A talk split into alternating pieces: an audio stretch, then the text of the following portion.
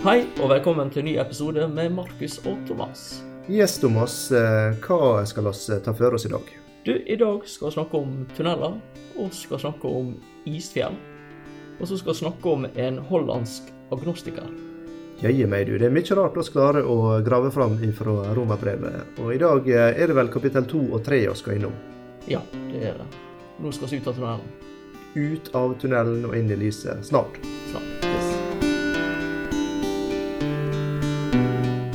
Ja, da er vi i gang med ny episode ut av romerne hos følger Paulus. Og sist så tok vi for oss eh, kapittel 1 fra vers 18 og utover, og nå skal vi eh, i kapittel 2. Og litt uti her begynner vel på eh, Ja, hvor begynner den, Markus?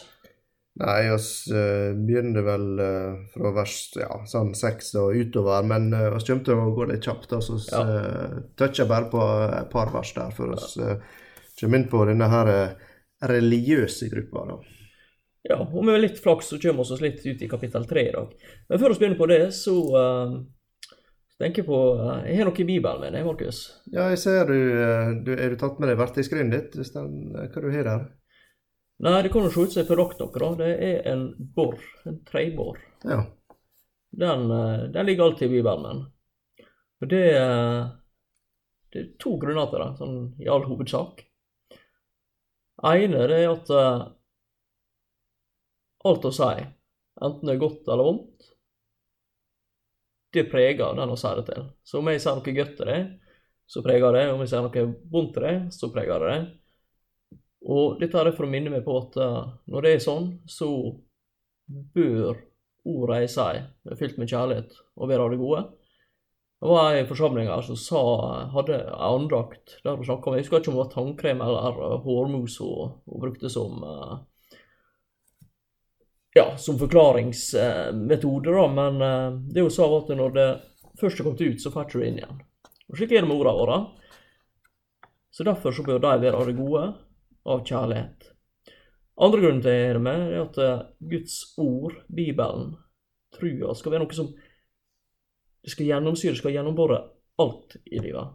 Det skal ikke bare være søndagen på bedehuset, Mm, ja. som for øvrig nå ikke er søndagen på bedehuset lenger heller. Men det skal være noe som preger meg hele tida, kontinuerlig. Og Derfor har dette båret i Bibelen.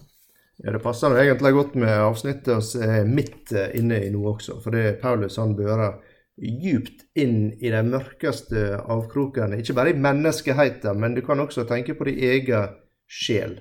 Uh, og litt av det mørke som uh, egentlig befinner seg i oss, uh, i oss alle. Det er ganske dystert. Du sa noe om en tunnel. Uh, snakka om dette tidligere.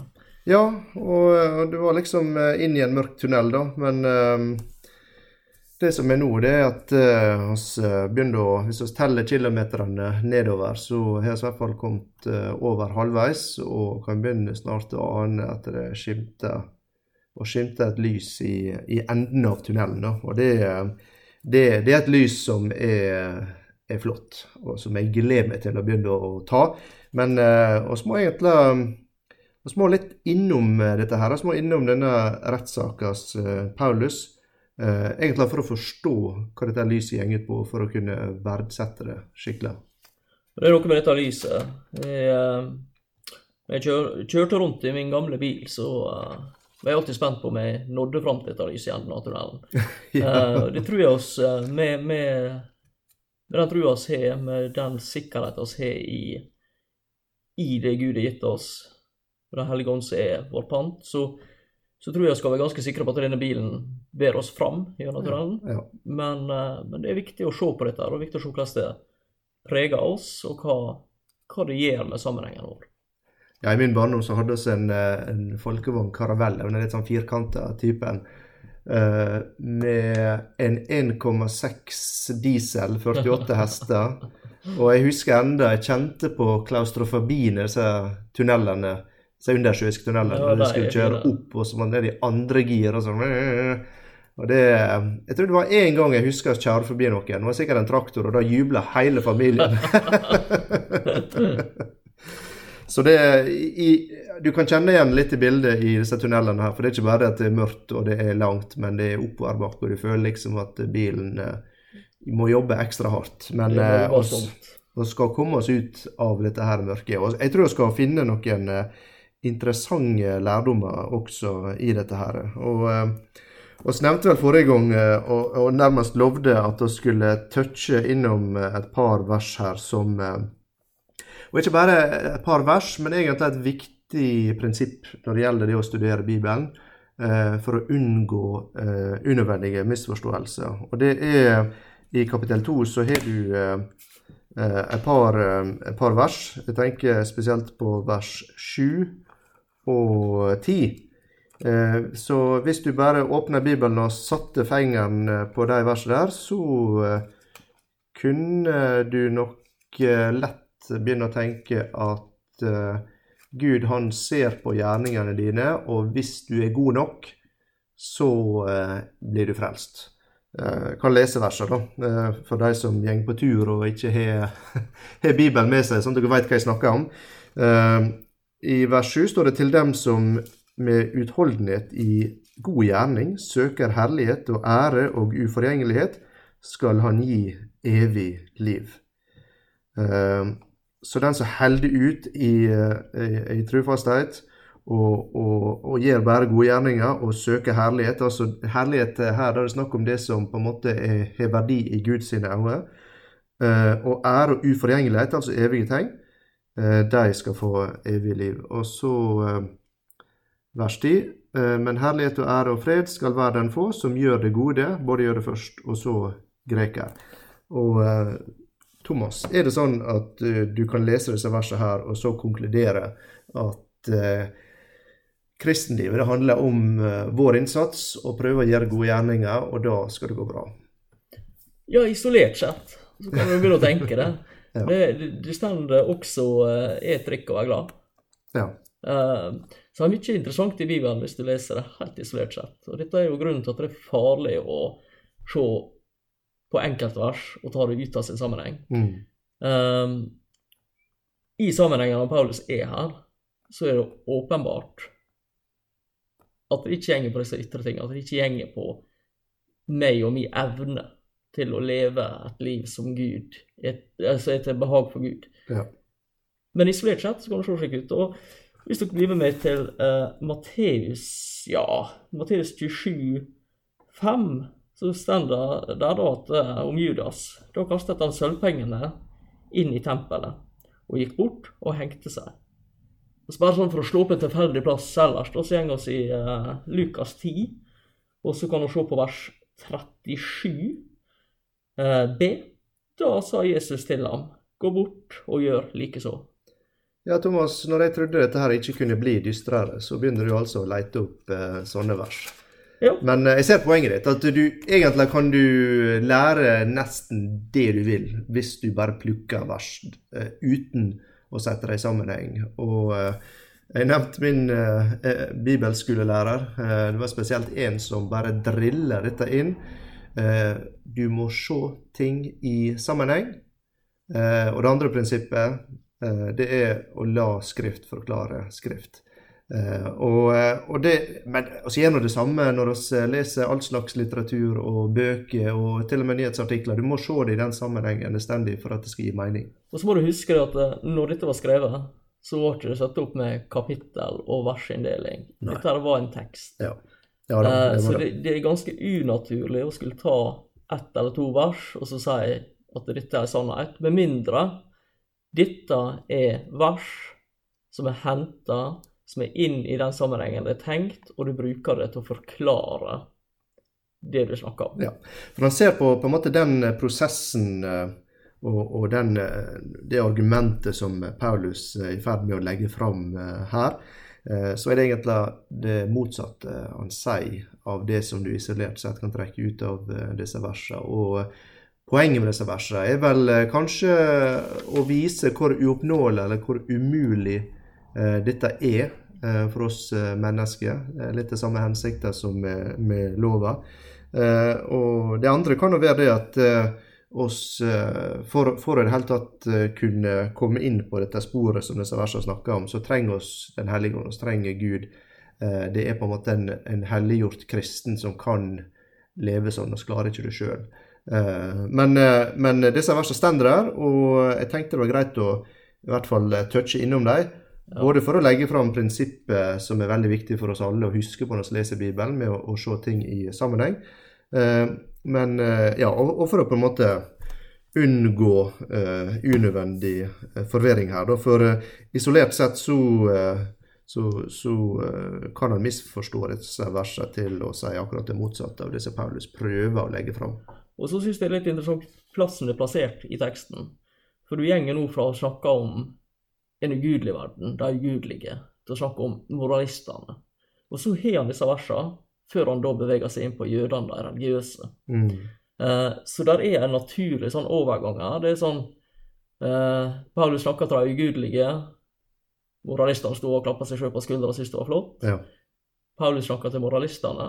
Mm. De religiøse de har i hvert fall forstått det.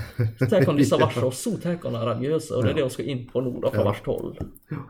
Ja da, det, det er det. Og eh, og og ser i avsnittet her at eh, Og igjen, sånn som sånn som jeg er blitt vant til med Paulus, at han gjenger veldig eh, grundig til, til verks. Og eh, eh, egentlig det som eh, blir mer og mer konklusjonen, det er at eh, ingen har noen unnskyldninger. Gjenger på alle typer mennesker, alle grupper.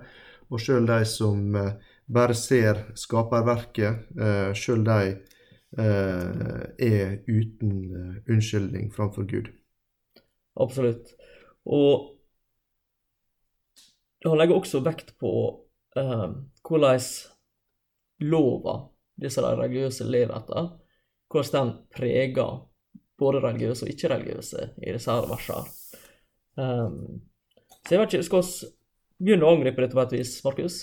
Ja, jeg, eh, jeg tenker oss kan egentlig eh, se litt på fra vers 17 og ut kapittelet, eh, det andre kapittelet der, og kommentere litt på det. Og så skal vi da hoppe over på, på eh, kapittel 3, hadde jeg tenkt. Og eh, Men kan jeg få lov å bare hoppe inn med noe lite om vers 14 og 15 her? ja, du to? nå veldig fint nå, Thomas, så kanskje skal jeg gjøre det. Det, det, det er to ting jeg har lyst til å poengtere. Det ene er for og men-bruken Sånn han har om Paulus. Det er veldig viktig i Paulus' skriving. Veldig forklarende. Um, Bare stendig i vers 14 og 15, jeg kan bare lese det. Mm. For når hedninger som ikke har loven, av naturen gjør det som loven byr, da er disse som ikke har loven, seg selv en lov. De viser at den gjerning loven krever, er skrevet i deres hjerter. Om det vitner også deres samvittighet og deres tanker, som innbyrdes anklager dem, eller også forsvarer dem. Og så la seg Det er jo dette her med å gi reklame for andre. NRK et par episoder. Nå skal jeg, nå skal jeg gi reklame for uh, Human-Etisk Forbund, Markus. Litt uventa, kanskje. Litt uventa. Fri tanke, det er eh, et blad eller avis, eller hva du skal kalle det, som, som de har. Og der er en Ja. artikkel fra 2013, så den er jo godt utdatert. Men jeg synes det var litt interessant, for da gikk det på dette med moral. For da er der en uh, Frans de Waal, uh, en nederlender, jeg aner ikke hvordan de uttaler navnet når det er Mhm. nederlender. Jeg syns det høres eh, bra ut, jeg. Ja, du syns det? Som har skrevet ei bok og er forska på dette her nå. Han er en primatforsker. Og han sier at eh, moralen kom først. Moralen har utspring i vår dyriske bakgrunn. Ja. Den kom før det religiøse, den kom før alt dette her nå. Mm. Og dette her er, ble en stor og flott artikkel hos Human-Etisk Forbund. Og jeg kunne Ja. sagt det før at ja, det står på to vers. Alt det han prøvde å si der i hele boka si, det står på to vers i Bibelen. Ja. Gud har skapt oss med lengsel etter seg. Og det, og det er det som egentlig er litt spennende med et sånt avsnitt som dette her. Og jeg er glad for at du, eh, du stopper med det, Thomas. For det, det, det er Paulus retter lyskasteren inn i uh, menneskesinnet og i menneskesjela. Og egentlig så kan vi lære veldig mye om oss sjøl. Og, og, dette med samvittigheten, det er, er veldig, veldig, spennende. Og det er noe som er, er omtalt i Bibelen. Og, og, blir også brukt av de som driver med trosforsvar, som en veldig uh, overbevisende sterk argumentasjon om at det må finnes en gud, da, pga. Uh, denne her innebygde uh, det moralske kompasset som på en måte er innebygd i oss alle, som kan uh, virke i større og mindre grad og kan brytes ned og ødelegges, men, men det er noe som ligger der. Det er noe, noen rester av noe som ligger der, noe guddommelig. Absolutt. Uh, og jeg tenker at dette er jo med å vise at mennesket står uten unnskyldning. Mm, ja. Oss trenger det som han Paulus ja. kommer med. Ja, ja da sier jeg det. Og det, det, det, er både Det er interessant og lærerikt, men det er også, det er også veldig egentlig alvorlig, da, eh, ja. sannheten. Det, det er det. Yes. Nei, men uh, da uh, kan vi kanskje se litt på jødene. Og Paulus uh, han var nå da selvfølgelig vokst opp sjøl som jøde og var steget, som vi nevnte i introduksjonen av romerbrevet, så han steg helt til toppen i på en måte det religiøse miljøet i, i, Israel. Og altså her så retter Eh, Paulus igjen peker fingeren mot en ny gruppe, og det er de religiøse, som da er her representert ved eh, jødene, og viser det at eh, også jødene er uten unnskyldning. Fordi jødene de trodde at når de hadde Guds lov, så var det en garanti for inngang til Guds rike. Og de så på lova som noe som satte dem over andre. Og de brukte også lova til å dømme andre. Så, så det som på en måte hadde skjedd Eh, med dem i forhold til lova, det var at hjertet deres hadde blitt eh, harde. Eh, og de brukte lova som pisk overfor andre.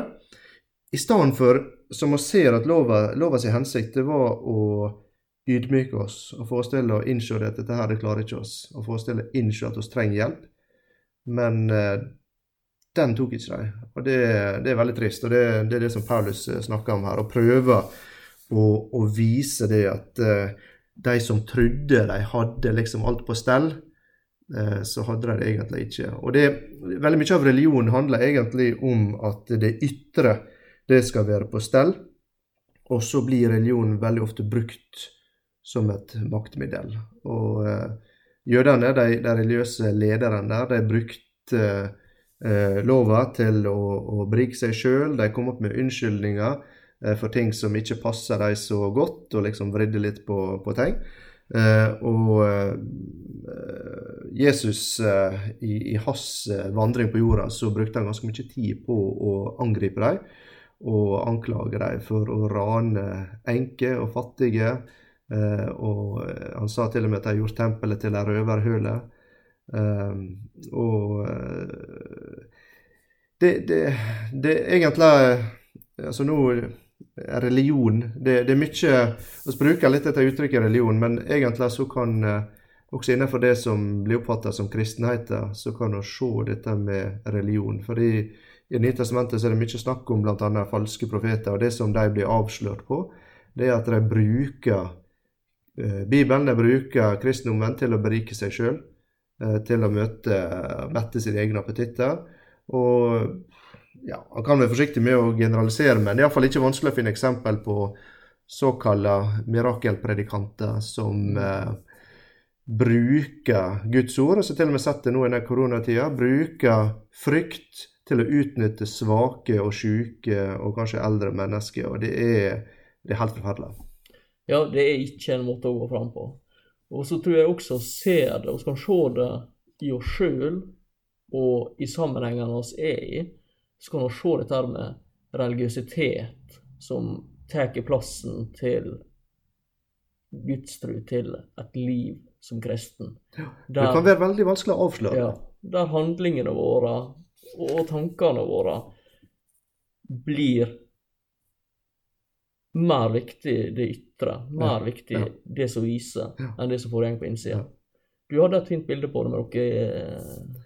Eh, Ja, jeg satt og prata litt om det før oss starta opptaket her. og det er Et eksempel som jeg liker, det er dette med et, eh, et isfjell som flyter i sjøen, der det er ca. 10% som stikker opp. Så når du ser noe lite som stikker opp, så må du gange det med 10 for å liksom tenke deg størrelsen på det. Og, og, og jeg tror når Gud ser på oss, så klart det yt- ytre er ikke helt borte vekk, men det som er viktig, det han ser, det er det som er under, under overflata. Han ser til hjertet. Eh, Og det er det Paulus også prøver her i dette avsnittet, det å, å skinne lyset eh, helt inn til hjertet. Og det, det er det han også gjør i forhold til jødene her. Han, han eh, ransaker dem, han viser hvordan de, selv de ytre sett, ser eh, fromme ut. Eh, og han sier det veldig direkte i vers 23. Du som roser deg av loven, altså du skryter av Mm. loven. Se hvor flink jeg er. Så hva som egentlig foregår under overflata. Hva er det som skjer? Du vanærer Gud ved å bryte lova. Tenk å vanære Gud. Altså her skryter du av å være from, men det som skjer under overflata, det er at du, du, du egentlig kaster skam eh, på, på, på Gud. og det Han sier til og med at eh, på grunn av dere ble Guds navn spotta blant, eh, blant eh, hedningene. Og det, det kan man også overføre på, på oss som kristne. Det er veldig mye gjort i kristendommens navn som fører til spott. Der, og, og egentlig så er det ikke bare Det, det kan også være pga. Eh, det som vi var inne på med evangeliet sin dårskap, at det er vanskelig for verden å forstå det. Men ofte så kan det være pga. at kristne bruker eh, Bibelen på feil måte til enten å fordømme andre eller til å utnytte andre. Og Det er, det er veldig trist, og, og Paulus han, eh, han prøver å rette lyset forbi dette. Ja, og han sier Altså, jeg tenker for en jøde å høre det han sier her. Det må være noe som er eh, krevende å ta til seg.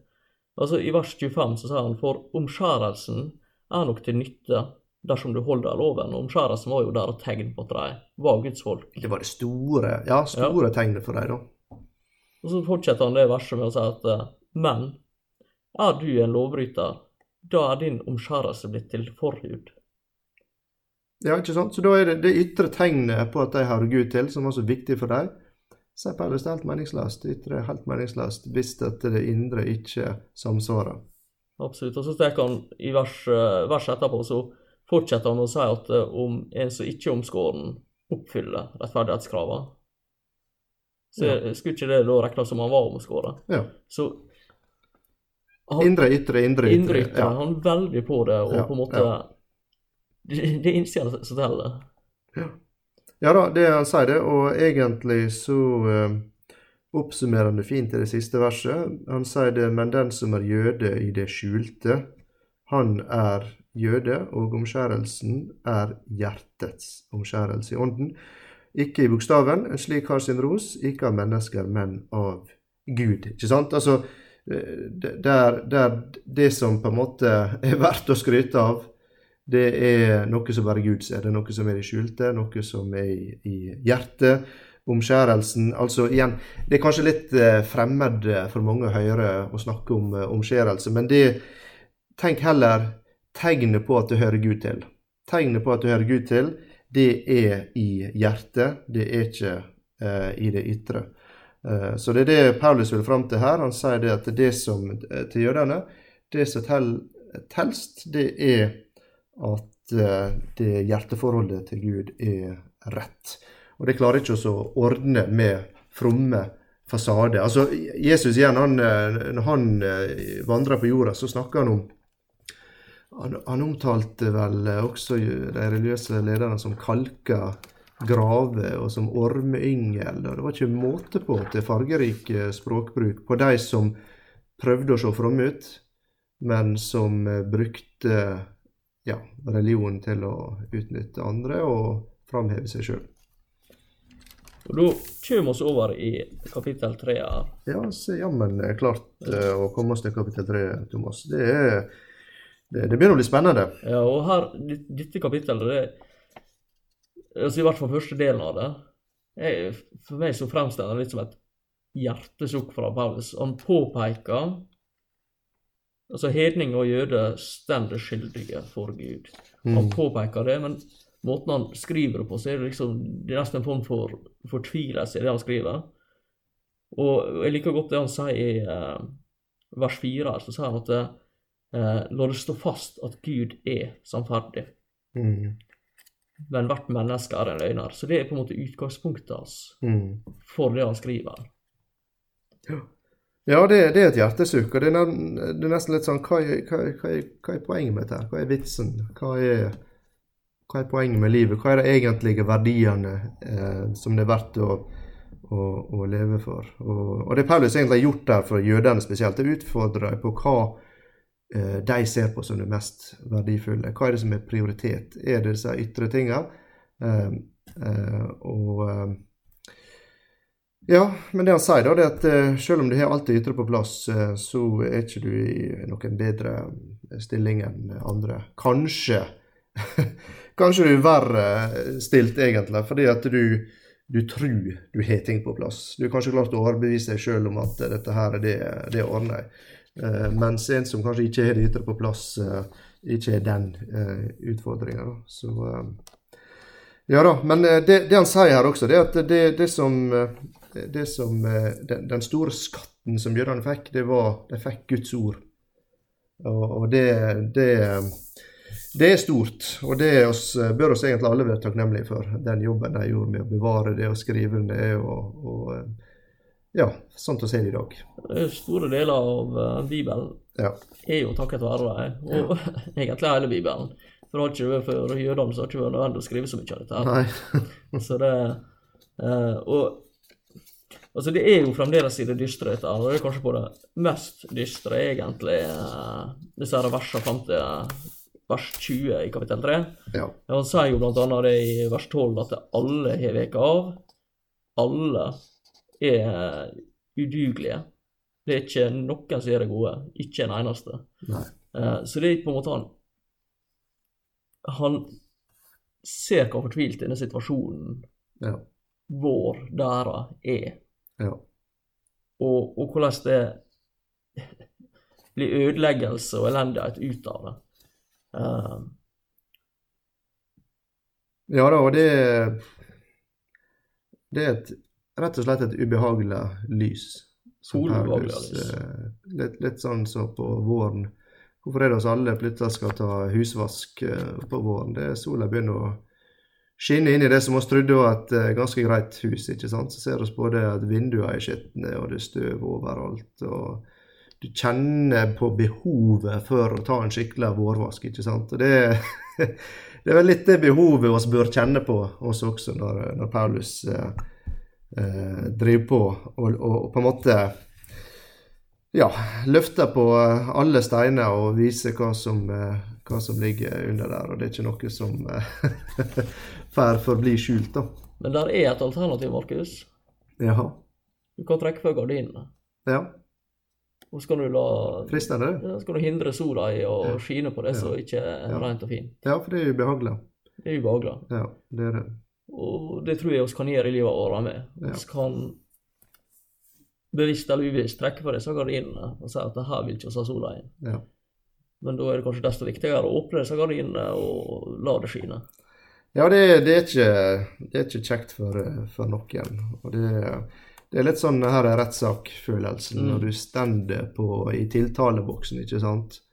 Og så blir det ene etter det andre sagt om deg som du skulle ønske aldri hadde blitt sagt. Og det, det er litt Og det, vi finner, det er at det er du og jeg og hver enkelt som stender tiltalt her.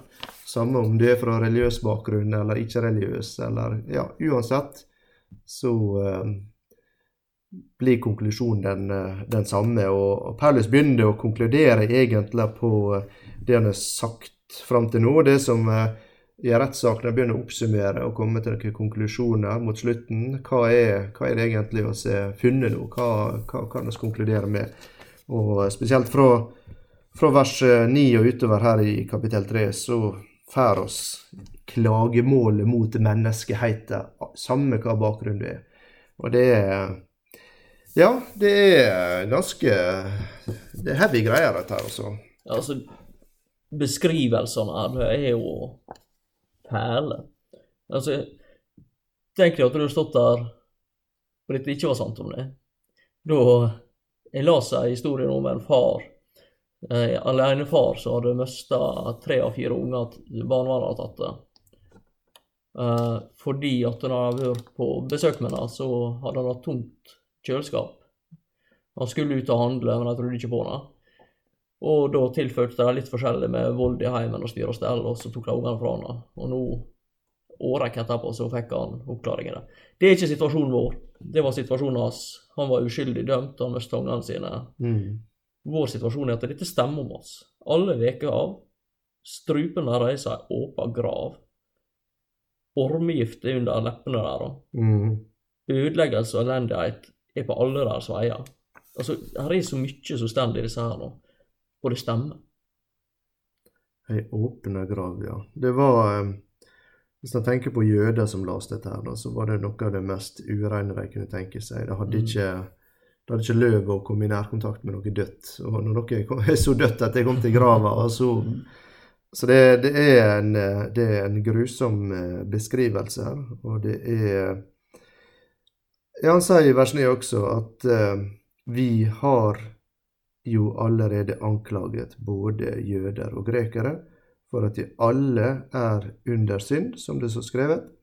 Det er ikke én rettferdig, ikke én eneste. Og i vers eh, 12 alle er veket av. Alle sammen er blitt udugelige. Det er ikke noen som gjør det gode, ikke en eneste. Du kan tenke ja, altså, er det, er det så gale, da? Liksom? Og det, det er litt sånn med Bibelen at når den tar fram problemet med menneske, menneskeheten og problemet vårt, så kan nesten høres eh, Er det så gale? Samtidig, når de gode nyhetene kommer, så tenker du kan, ja, men kan det være så gode nyheter? For godt, altså det er for godt til å være sant? Kan det være så enkelt i hermetegn? Enkelt for oss, men ikke for han som måtte ordne med, med å løse problemet, da. Men eh, sånn er eh, Guds ord, og det, det er kanskje vanskelig for oss å forestille oss eh, hvordan hjertet vårt ser ut fra en tre ganger hellig Gud som aldri er synda, og som er vant til en fullkommen standard uten avvik. Altså Hvis det skulle være kvalitetskontroll i himmelen, så er det aldri avvik.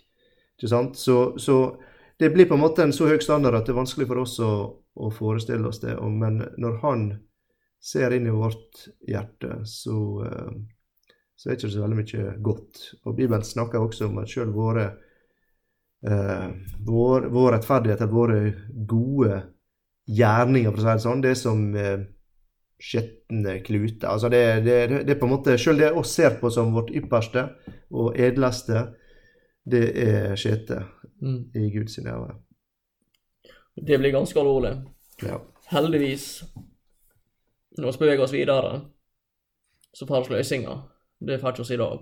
Eh, De sier ikke det, men vi må nesten ta med vers 19, for det er på en måte jeg tror vi må både 19 og 20 her, faktisk. Ja, Fordi at eh, de eh, Det er konklusjonen. ja og vi må, må ta med 20 også, det er helt klart. Det er et litt i, I min bibel er det litt merkelig inndeling der, for den tar ikke med vers 20 i det avsnittet som vi er inne i nå. Men Ja, han eh, bruker det som en overgang. jeg føler vel Ja da.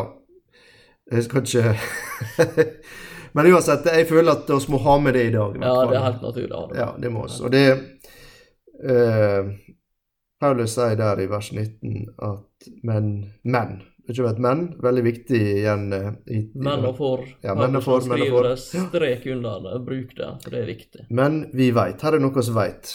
Uh, noen snakker om at uh, tru og sånn, det handler om veldig diffuse ting, og, og, og at det ikke går an å vite det, det er ikke fakta. Men Paulus er veldig faktabasert her. her. er- Veldig faktabasert. Og sier han men vi veit at alt det lova sier, det taler den til den som er under lova, for at hver munn skal lykkes, og hele verden blir skyldig for Gud. Så da er det Altså, hva betyr det? Hver munn skal lykkes? Eh, Altså, når du stender i ei rettssak eh, så kan det komme et tidspunkt der du innser det at eh, alt du sier, vil bare gjøre situasjonen din verre. ikke sant? Så det her er det best å bare holde tett, eh, for du er ille ute. Mm. Og, og her er ikke noe forsvar å komme med. Eh, du er skyldig, Thomas. Jeg er skyldig. Hele verden er skyldig for Gud. Og eh, ja, vers 20, der er derfor blir intet kjød. Altså intet kjød, det er kjød det er egentlig bare snakk om kroppene våre, eller mennesker, altså våre fysiske kropper. Eh, Du kan si at ingen blir rettferdiggjort eh, for ham ved lovgjerninger. Og det er igjen lovgjerninger, et sånt uttrykk som bare snakker om det oss klarer å få til i egen kraft. eh, Gode gjerninger. Og, så oss har ikke kjangs med egen innsats. Ja, og, og, og var litt inn på dette med bergpreken, uh, tror jeg var sist gang. Der oss bare som et eksempel viste hvor strenge kravene Ja, er. ja. Og, og det er klart at det, for å gjøre dette lettere, da Ok, kanskje jeg kan si at nei, men Markus, jeg banner ikke. Ja. Men hva hjelper det at jeg ikke sier banneord når tankene mine er der? ja. Altså, når det skal settes eh, for domstolen fordi at vi kaller broren vår en tosk, Ja. så det er på en måte Det er på dette nivået det er her Gud sitt Og vel så det, men det er her Gud sitt nivå ligger. Det er denne standarden han er ute etter. Det er helt plettfritt. Ja. Jeg tror I samtaler med andre så har jeg fått inntrykk av og til av at eh, det er mange som tror at det å være en kristen, det er disse, altså du, ikke, du banner ikke, du røyker ikke, du drikker ikke, og på søndag så gjør du absolutt ingenting. altså litt sånne, Og, og det, det er veldig trist hvis eh, folk tror at eh, det er å være kristen. For det, da blir det en liten religion igjen. Det handler om hva oss gjør og ikke gjør. og um, det, det For å ta med siste halvdel av det siste verset også, da, så sier uh, Paulus egentlig hva som er hele grunnen til lova. Og det er en enorm åpenbarelse. For tenker deg i flere, flere tusen år så har jødene drevet og strevet med denne lova, eh, og, og misforstått den, egentlig. Eh, og så sier Paulus det at eh, lova hensikt det er at vi skal erkjenne synd. For ved loven kommer erkjennelse av synd. Lova er der bare for at vi skal innse at oss er lovbrytere. Eh, og det som, altså hvis det, hvis det ikke var fartsgrense langs veien, ikke sant, så, eh, så, så kunne ikke jeg bli anklaget for å kjøre for fort.